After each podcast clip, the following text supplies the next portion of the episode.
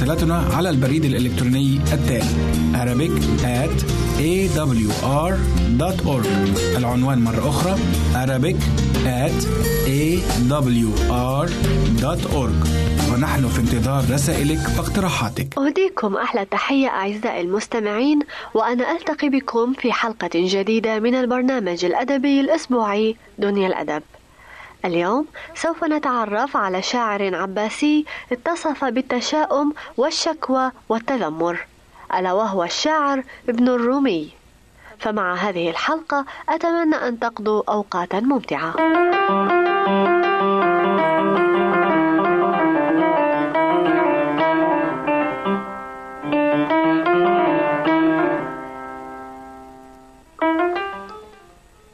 الحسن علي بن العباس بن جريج الرومي. ولد في بغداد عام 835 ميلادية الموافق ل 221 للهجرة من أب رومي وأم فارسية. توفي والده وهو بعد حدث فتعهده أخوه الأكبر محمد. ولكن فقد هذا الأخ وفواجع الموت ونكبات الحياة التي نزلت به طبعته بطوابع التفجع والسويداء وسوء الظن بالحياة. فقد أصيب بصحته ورزق ثلاثة أبناء اختطفهم الموت جميعا فضلا عن زوجته. ونزل به الفقر في حقبات طويلة من عمره. فابن الرومي لم يوفق إلى الحظوة بسبب نزعته الفنية التي تعارض عمود الشعر المأثور في المديح. إضافة إلى إلحاحه في الطلب وترجحه بين الشكوى والتذمر والتأنيب وتشاؤمه. أنفق معظم أيامه في بغداد عاصمة العلم وله آنذاك. يعيش فيها ويلازمها ويعتريه خوف فاجع من السفر ويزداد ألما وحسرة حين لا يتوفر له طيب المقام. فيقول واصفا هذه الحالة سقى الله بغداد من جنة. غدت للورى نزهة الأنفس. على أنها منية الموسرين ولكنها حسرة المفلس. ولو كان أبو الحسن من طلاب الكفاف في الحياة لهان عليه ما يلقى ولكنه ينشد له وأطيب الحياة فيقف الفقر دون تحقيق ذلك. وقد ذكر أنه كان يمتلك ضيعة ودارين ورثهما عن أبيه بيد أن ذلك لم يؤمنه من الحاجة إذ لم تكن ضيعته تغل أغلالا وفيرة فيظل متضجرا من أمره كما أن البيتين اغتصبا منه. فساقته هذه الأحداث إلى الشعور بالخسارة والغبن وعدم وجود العدالة بين الناس. وقد رافقه هذا الشعور حتى وفاته سنة 896 ميلادية مسموما على الأرجح. ترك ديوانا ضخما تناول فيه مختلف أغراض الشعر التقليدية من مدح وهجاء ورثاء ولكنه تميز بأوصافه للطبيعة.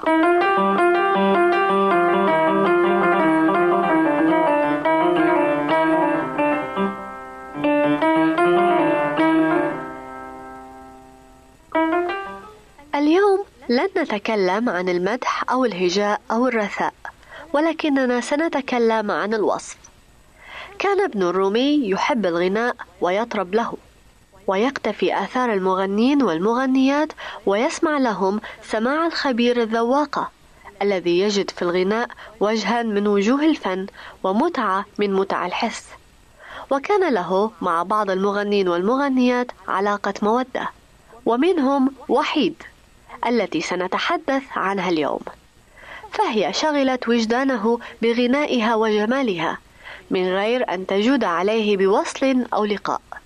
فترك ذلك في نفسه كبير الأثر.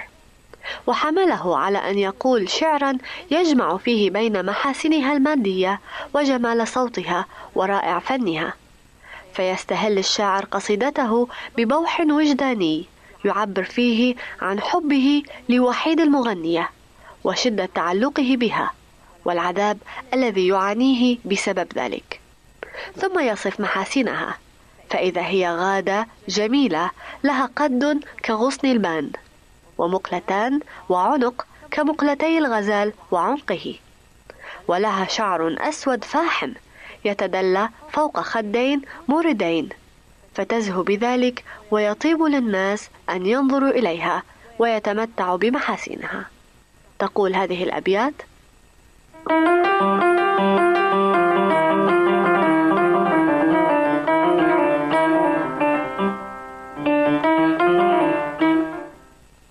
يا خليلي تيمتني وحيد ففؤادي بها معنى عميد. غادة زانها من الغصن قد ومن الظبي مقلتان وجيد وزهاها من فرعها ومن الخدين ذاك السواد والتوريد. ومعنى تيمتني أي استعبدتني بحبها المعنى المهموم العميد الشديد الحزن الغادة المرأة الناعمة الجيد العنق. زهاها جعلها تزهو وتفتخر الفرع الشعر ثم يجيب من يعجب بجمالها ويتساءل عن سر جمالها بأن معرفة ذلك مسألة صعبة وسهلة في آن واحد. من السهل أن نقول أنه أحسن الأشياء طرًا، ولكن من الصعب أن نحدد أسرار هذا الجمال ومواطنه. ثم يصف حسن أدائها فيقول: إنها تغني فلا تتحرك أوصالها كغيرها من المغنين. يعني ذلك أنها تحتفظ بطبيعتها. فلا تتكلف جهدا ولا مشقة. وإليكم الأبيات الشعرية.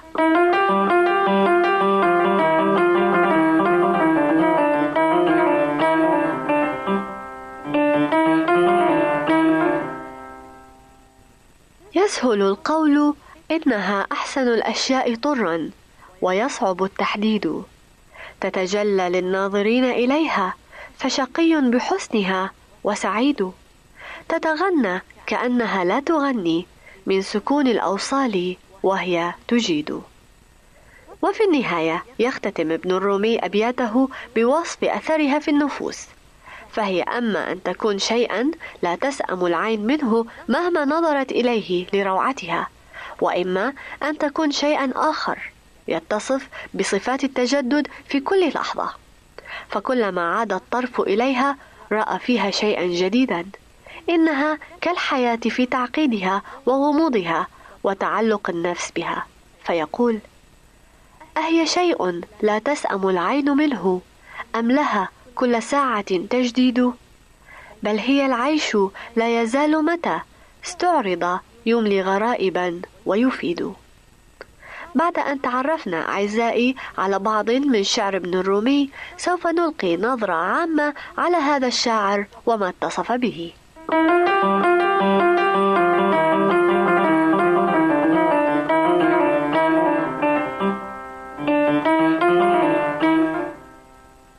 كما عرفنا سابقا فإن ابن الرومي شاعر عباسي عاش في العهد الثاني ولد في بغداد ونشأ فيها عاكفا على طلب العلم حتى استقامت له ثقافة واسعة قوامها العلوم العربية من نحو ولغة والعلوم الدخيلة الشائعة في أيامه من فلسفة ومنطق وفلك فضلا عن علوم الدين.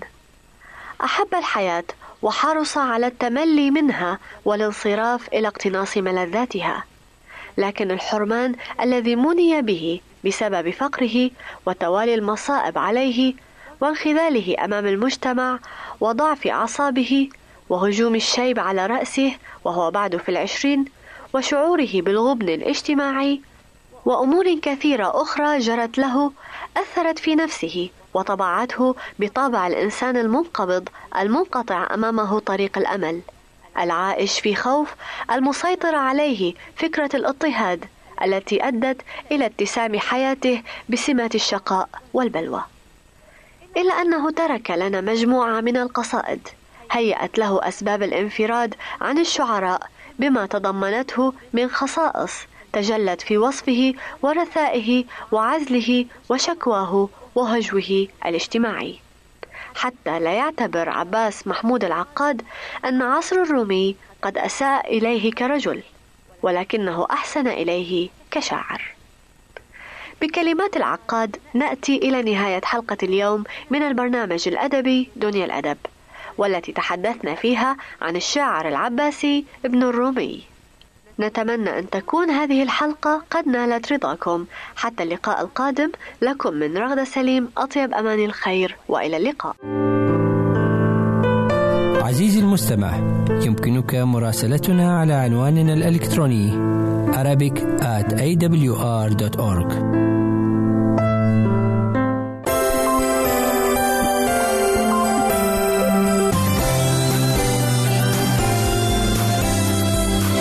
أنتم تستمعون إلى إذاعة صوت الوعد.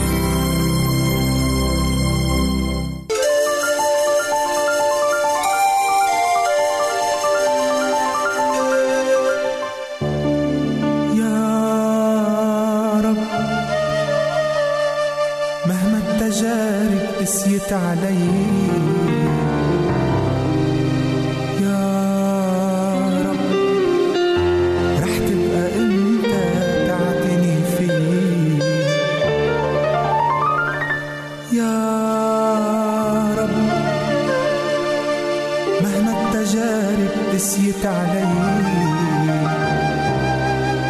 يا رب رح تبقى انت تعتني للجوع للألم لو مهما العالم ظلم. للجوع للألم لو مهما العالم ظلم. مهما غدروني البشر لو حتى الكون انفجر.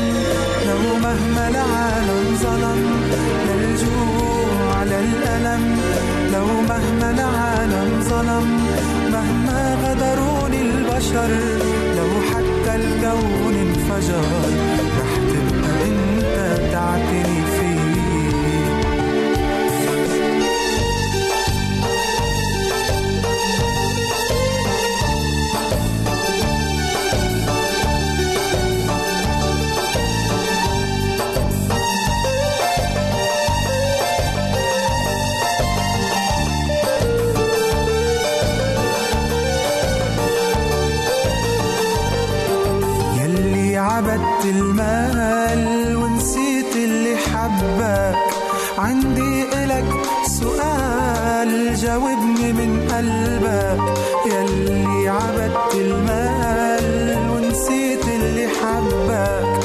عندي إلك سؤال جاوبني من قلبك. شو رح بيقدم لك مالك؟ لو ربك هالليل ندالك شو رح بيقدم لك مالك؟ لو ربك هالليل ندالك رايح وحدك خبرني.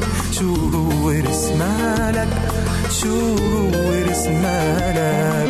للجوع للألم لو مهما العالم ظلم للجوع للألم لو مهما العالم ظلم مهما غدروني البشر لو حتى الكون انفجر رح تبقى أنت تعتني فيه. تعتني فيه رح تبقى أنت تعتني فيه.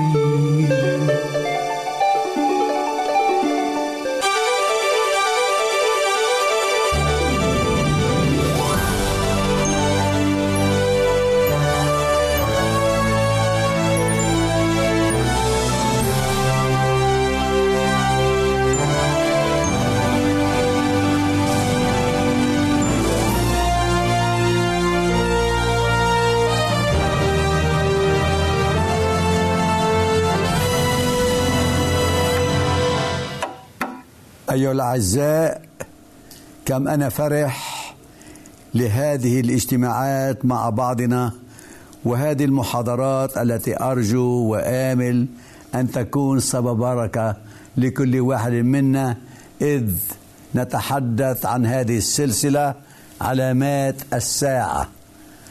نعيش نحن في هذه الأيام والحدث المهم الذي سيحدث وعن قريب جدا.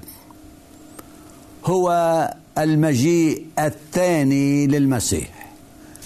وقبيل أن يصعد المسيح إلى السماء قال لتلاميذه ولكم ولي كما هو مدون في إنجيل يوحنا الأصحاح الرابع عشر والأعداد الثلاثة الأولى. لا تضطرب قلوبكم. أنتم تؤمنون بالله فآمنوا بي. في بيت أبي منازل كثيرة. وإلا فإني كنت قد قلت لكم أنا أمضي لأعد لكم مكانا. وإن مضيت وأعددت لكم مكانا آتي أيضا وآخذكم إلي. حتى حيث أكون أنا تكونون أنتم أيضا. وعد صادق صريح من يسوع المسيح. لجميعنا بأنه سيأتي ثانية. وعندما يأتي أود أن أقرأ. أيتين من إنجيل يوحنا الأصحاح خمسة واعداد 28 و 29 تقول لا تتعجبوا من هذا. فإنه تأتي ساعة فيها يسمع جميع الذين في القبور صوته إذا وين موجود الناس اللي بيموتوا؟ موجودين في القبور. فيخرج الذين فعلوا الصالحات إلى قيامة الحياة والذين عملوا السيئات إلى قيامة الدينونة حتى الأبرار وين موجودين؟ هالآية بتخبرنا موجودين في القبور؟ الذين عملوا الصالحات إلى قيامة الحياة والذين عملوا السيئات إلى قيامة الدينونة. من هالأيتين هاي أيها الأحباء بنلاحظ بأنه في أيامتين في قيامة الحياة وقيامة الدينونة. وبينما نتابع في موضوعنا بدنا نلاحظ كيف الكتاب يتكلم لنا عن الأيام الأولى والأيام الثانية. هلأ في سفر الرؤيا أصاع عشرين وأعداد خمسة وستة. رؤيا الأصاع العشرين. سنقرأ كلمات عن القيامة. فيقول هذه الكلمات.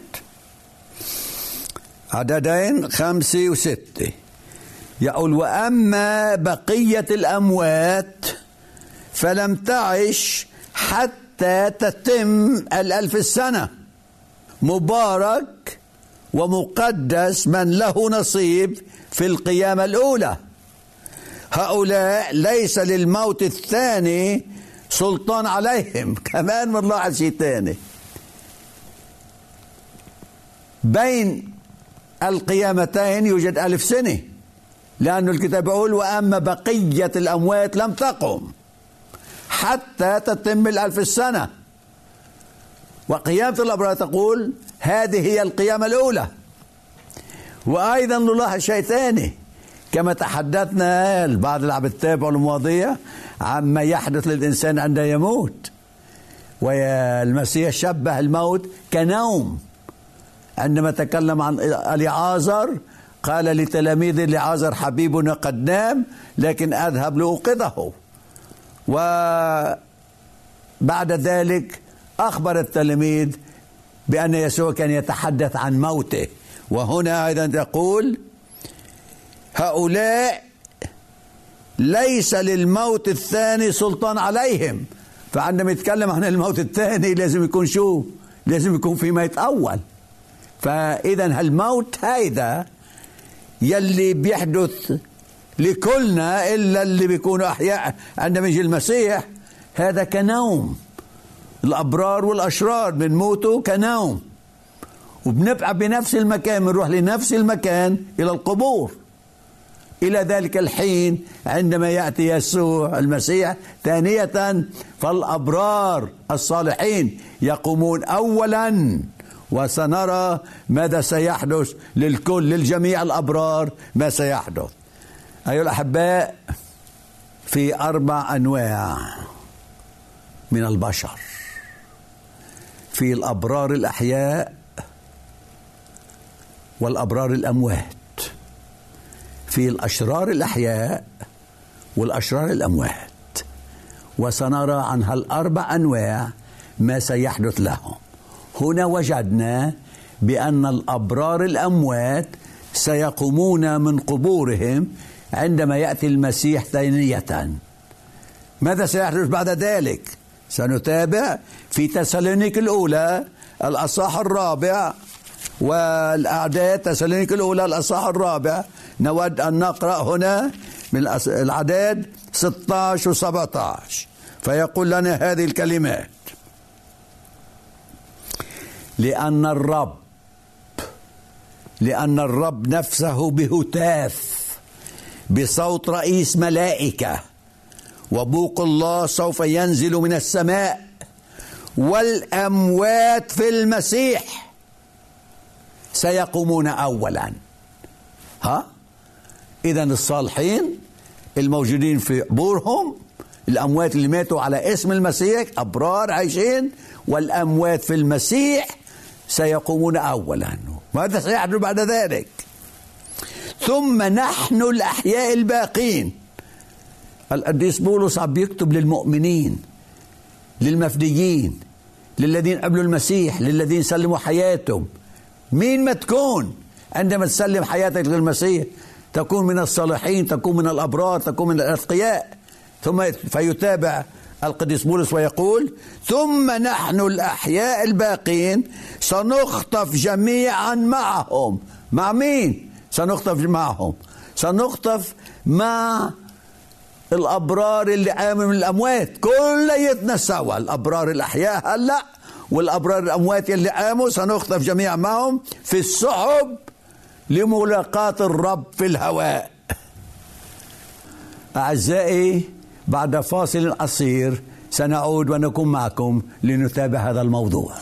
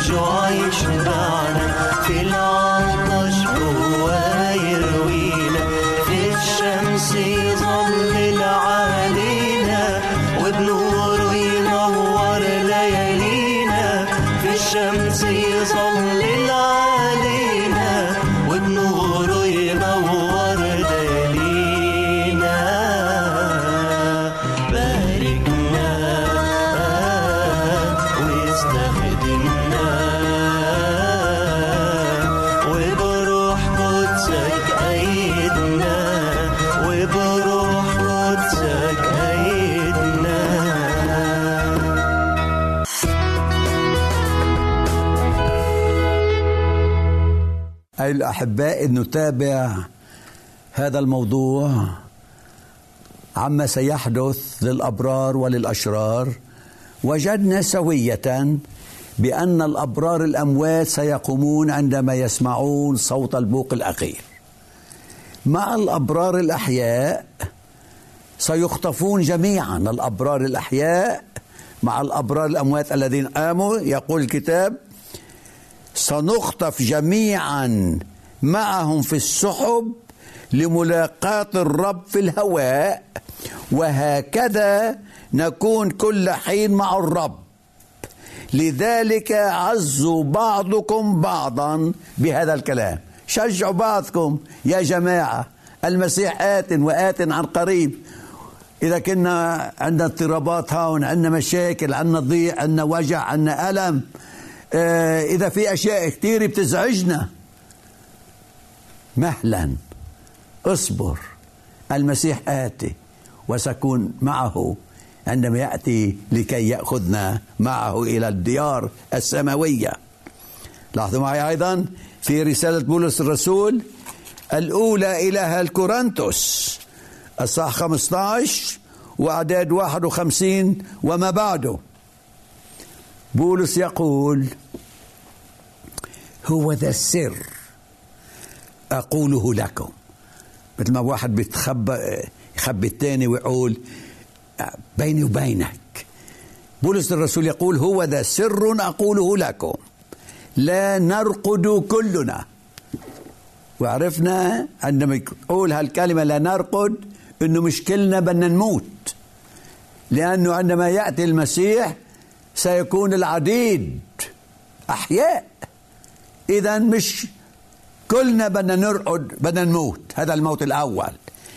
ولكننا كلنا نتغير. شيء واحد سيحدث لجميعنا الأبرار. ماذا سيحدث؟ في لحظة في طرفة عين عند البوق الأخير. فإنه سيبوق فيقام الأموات عديمي فساد. ونحن نتغير. لأن هذا الفاسد لابد أن يلبس عدم فساد وهذا المائت أن يلبس عدم موت. ماذا يقول لنا الرئيس بولس هذا الجسم فاسد فاسد نتيجة الخطية. لكن عندما الأبرار الأموات عندما يقوموا من القبر آنذاك سيتغيرون أيها الأعزاء كما يقول لنا الكتاب هذا الفاسد سيتغير إلى عدم فساد. وهذا المائت يلي بإمكانه يموت سيتغير إلى عدم موت. ما أجملها وعود وما أجملها كلمات آنذاك سنصعد ونكون مع المسيح ونعيش طوال الأبدية لأننا عندنا الآن أجساد روحانية. مش أجساد فاسدة ولا أجساد معرضة إلى الموت. ثم يقول لنا هنا أيضا في رؤيا الأصح السادس وأعداد 15 إلى 17 ولاحظوا معي ماذا يقول في رؤيا الأصح السادس عما سيحدث إلى الأحياء الأشرار. في الأصح السادس من عدد 15 نقرأ هذه الكلمات. وملوك الأرض والعظماء والأغنياء والأمراء والأقوياء وكل عبد وكل حر أخفوا أنفسهم في المغاير وفي صخور الجبال. وهم يقولون للجبال والصخور اسقطي علينا واخفينا من وجه الوارث على العرش وعن غضب الخروف لأنه قد جاء يوم غضبه العظيم ومن يستطيع الوقوف. عندما يأتي المسيح أيها الأعزاء الأشرار بدهم يصرخوا للصخور حتى تسقط عليهم وتخفيهم من وجه الجالس على العرش. بالنسبة لهم يوم مجيئه يوم غضب. يوم خوف سيصرخون للجبال كي تسقط عليهم. إذا ماذا يحدث؟ للأشرار الأحياء سيموتون. والأموات الأشرار سيبقون في قبورهم. إذا كل الأشرار أين يكونوا؟ في قبورهم. الأموات يبقوا أموات والأحياء الأشرار يموتون. أين يذهب الأبرار؟ الأبرار الأموات قاموا مع الأبرار الأحياء وجميعهم تغيروا إلى أجسام غير فانية وذهبوا مع المسيح لكي يكونوا معه في الديار السماوية.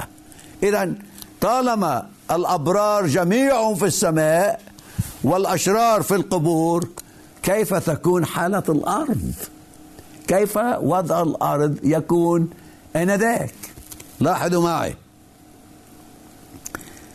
يقول نظرت في أرميا إلى الأرض وإذا هي خربة وخالية. الكتاب يخبرنا قبل الخليعة كانت الأرض ظلمة وخاربة وخالية. لكن هلأ أصعب بكثير لأن الجثث تكون على الأرض لا يوجد أي شخص يدفن الجثث في سفر الرؤيا الأصاح العشرين نقرأ هذه الكلمات. ورأيت ملاكا نازلا من السماء معه مفتاح الهاوية وسلسلة عظيمة على يده فقبض على التنين الحية القديمة الذي هو إبليس والشيطان وقيده ألف سنة. وطرحه في الهاوية وأغلق عليه وختم عليه لكي لا يضل الأمم فيما بعد. حتى تتم الألف السنة وبعد ذلك لابد أن يحل زمنا يسيرا. هلأ سؤال شو عمل الشيطان يا ترى الشيطان يجول كي يخدع الناس. على الأرض ما في ناس بقى. مثل مرات نحن من آه نقول لبعضنا إذا عملت موعد مع معك حتى زورك أو إجي لعندك. لكن في ظروف ما سمحت لي. بقول متأسف لأنه الظروف أيدتني. طبعا ما أيدتني بالحديد. سنتابع أيها الأعزاء في هذا الموضوع بينما نأخذ فاصل قصير ونرجع إلى موضوعنا.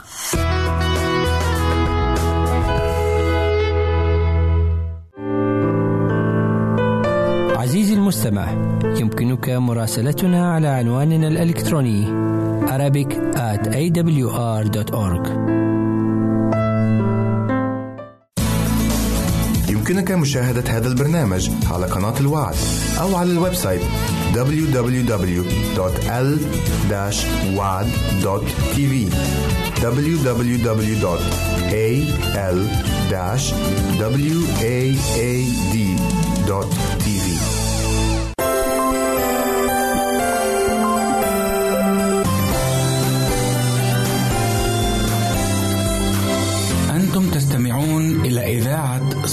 صوت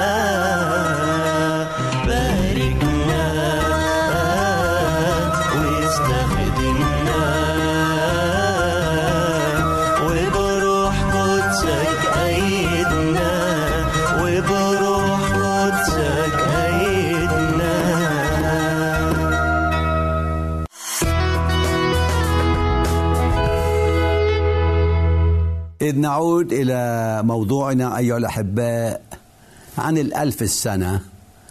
وجدنا لحد الآن بأن هنالك أشياء كثيرة تحدث في بداية الألف السنة. سيأتي المسيح ثانية. سيقوم الأبرار من قبورهم والأموات الأشرار يستمرون في قبورهم والأحياء الأشرار سيموتون من بهاء ومجد الله.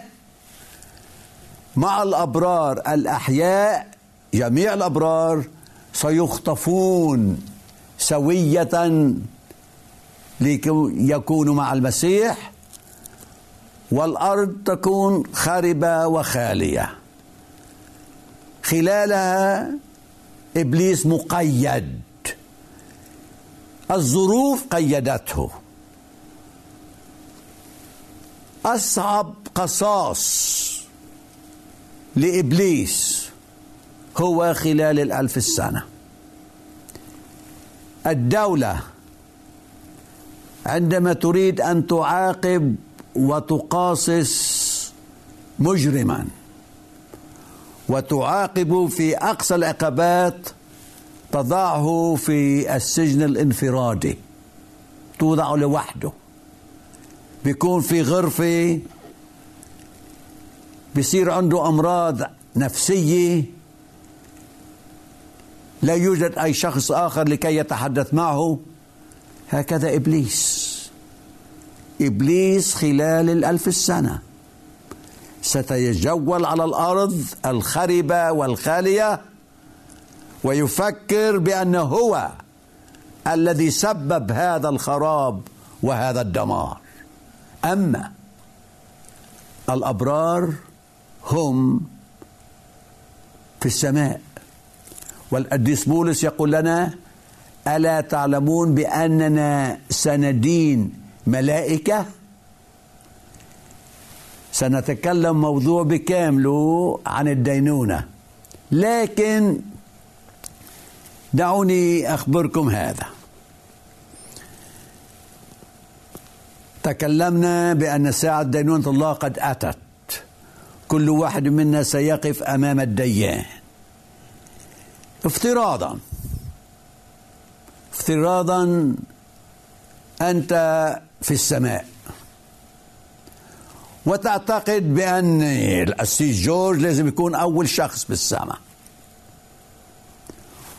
وتبحث وتنظر في الشوارع ولا تجده. فتستغرب. عجيب. جورج الذي يعظ ليس هنا. فيكون لك المجال لكي تنظر إلى سجلاته.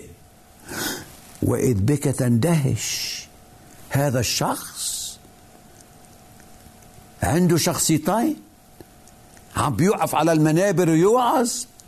لكن في نفس الوقت عنده مشاكل عديدة. يختلف في البيت مع زوجته. يذهب إلى الملاهي ولا القمار. فتستغرب. لكنك تقول بالحقيقة الله عادل. لكن لنغير الصورة افتراضا بقرب من بيتك يعيش مجرم. تخاف دائما منه وإذ تنظر في شوارع المدينة إذ بك ترى هذا المجرم في الأرض الجديدة في السماء الجديدة في هنالك. فتستغرب ماذا يعمل هذا هنا؟ ماذا يعمل؟ ويكون لك المجال.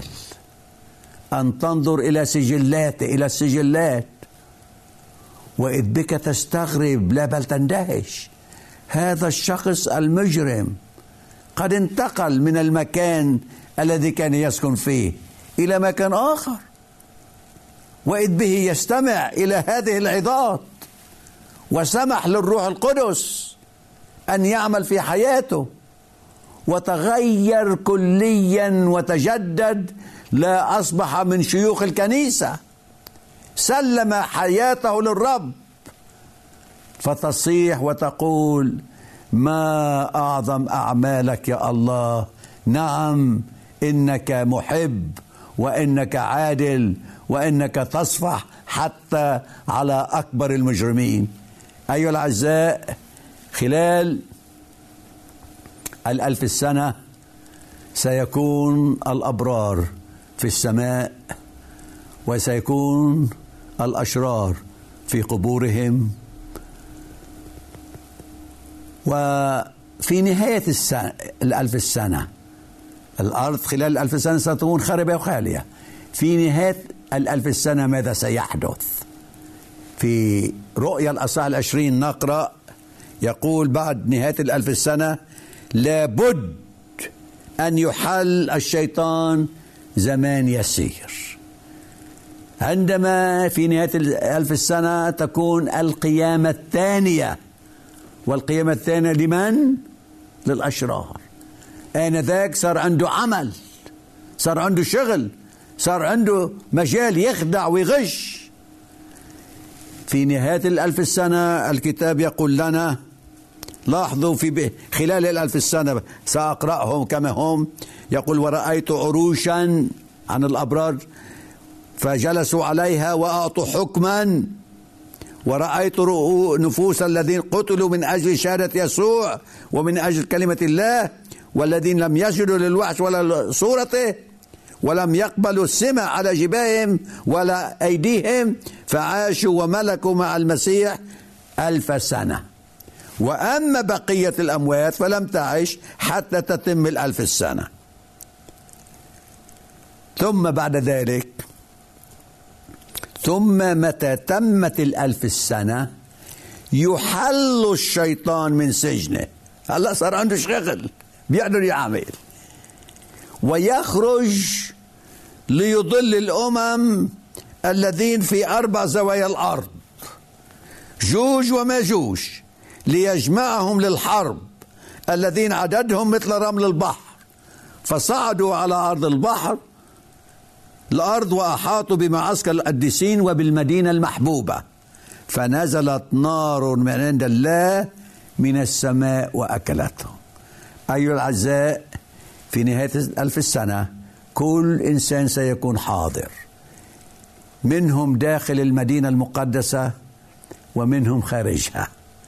أين أنت ستكون؟ الذين خارج المدينة ستنزل نور نار وتأكلهم وداخل المدينة سيسكنون مع المسيح طوال الأبدية. عسانا جميعا أن نكون داخل المدينة ونقرر ذلك بينما نعيش في هذه الأيام.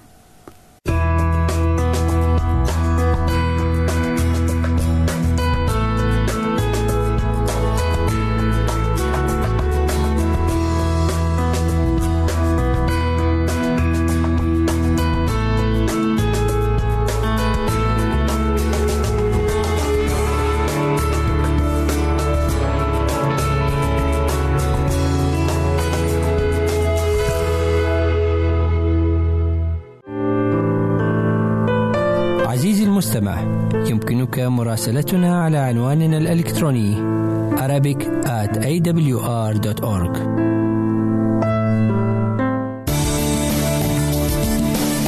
أنتم تستمعون إلى إذاعة صوت الوعد.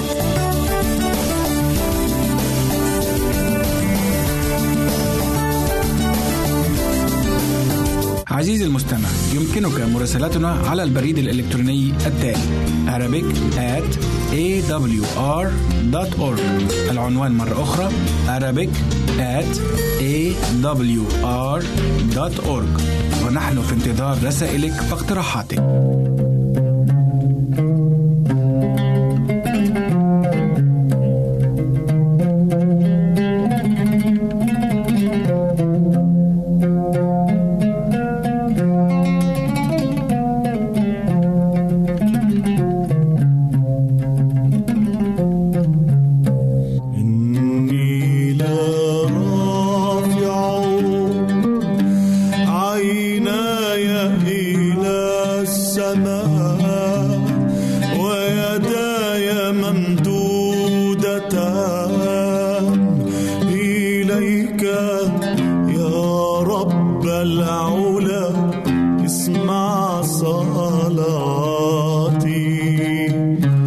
واستجيب دعائي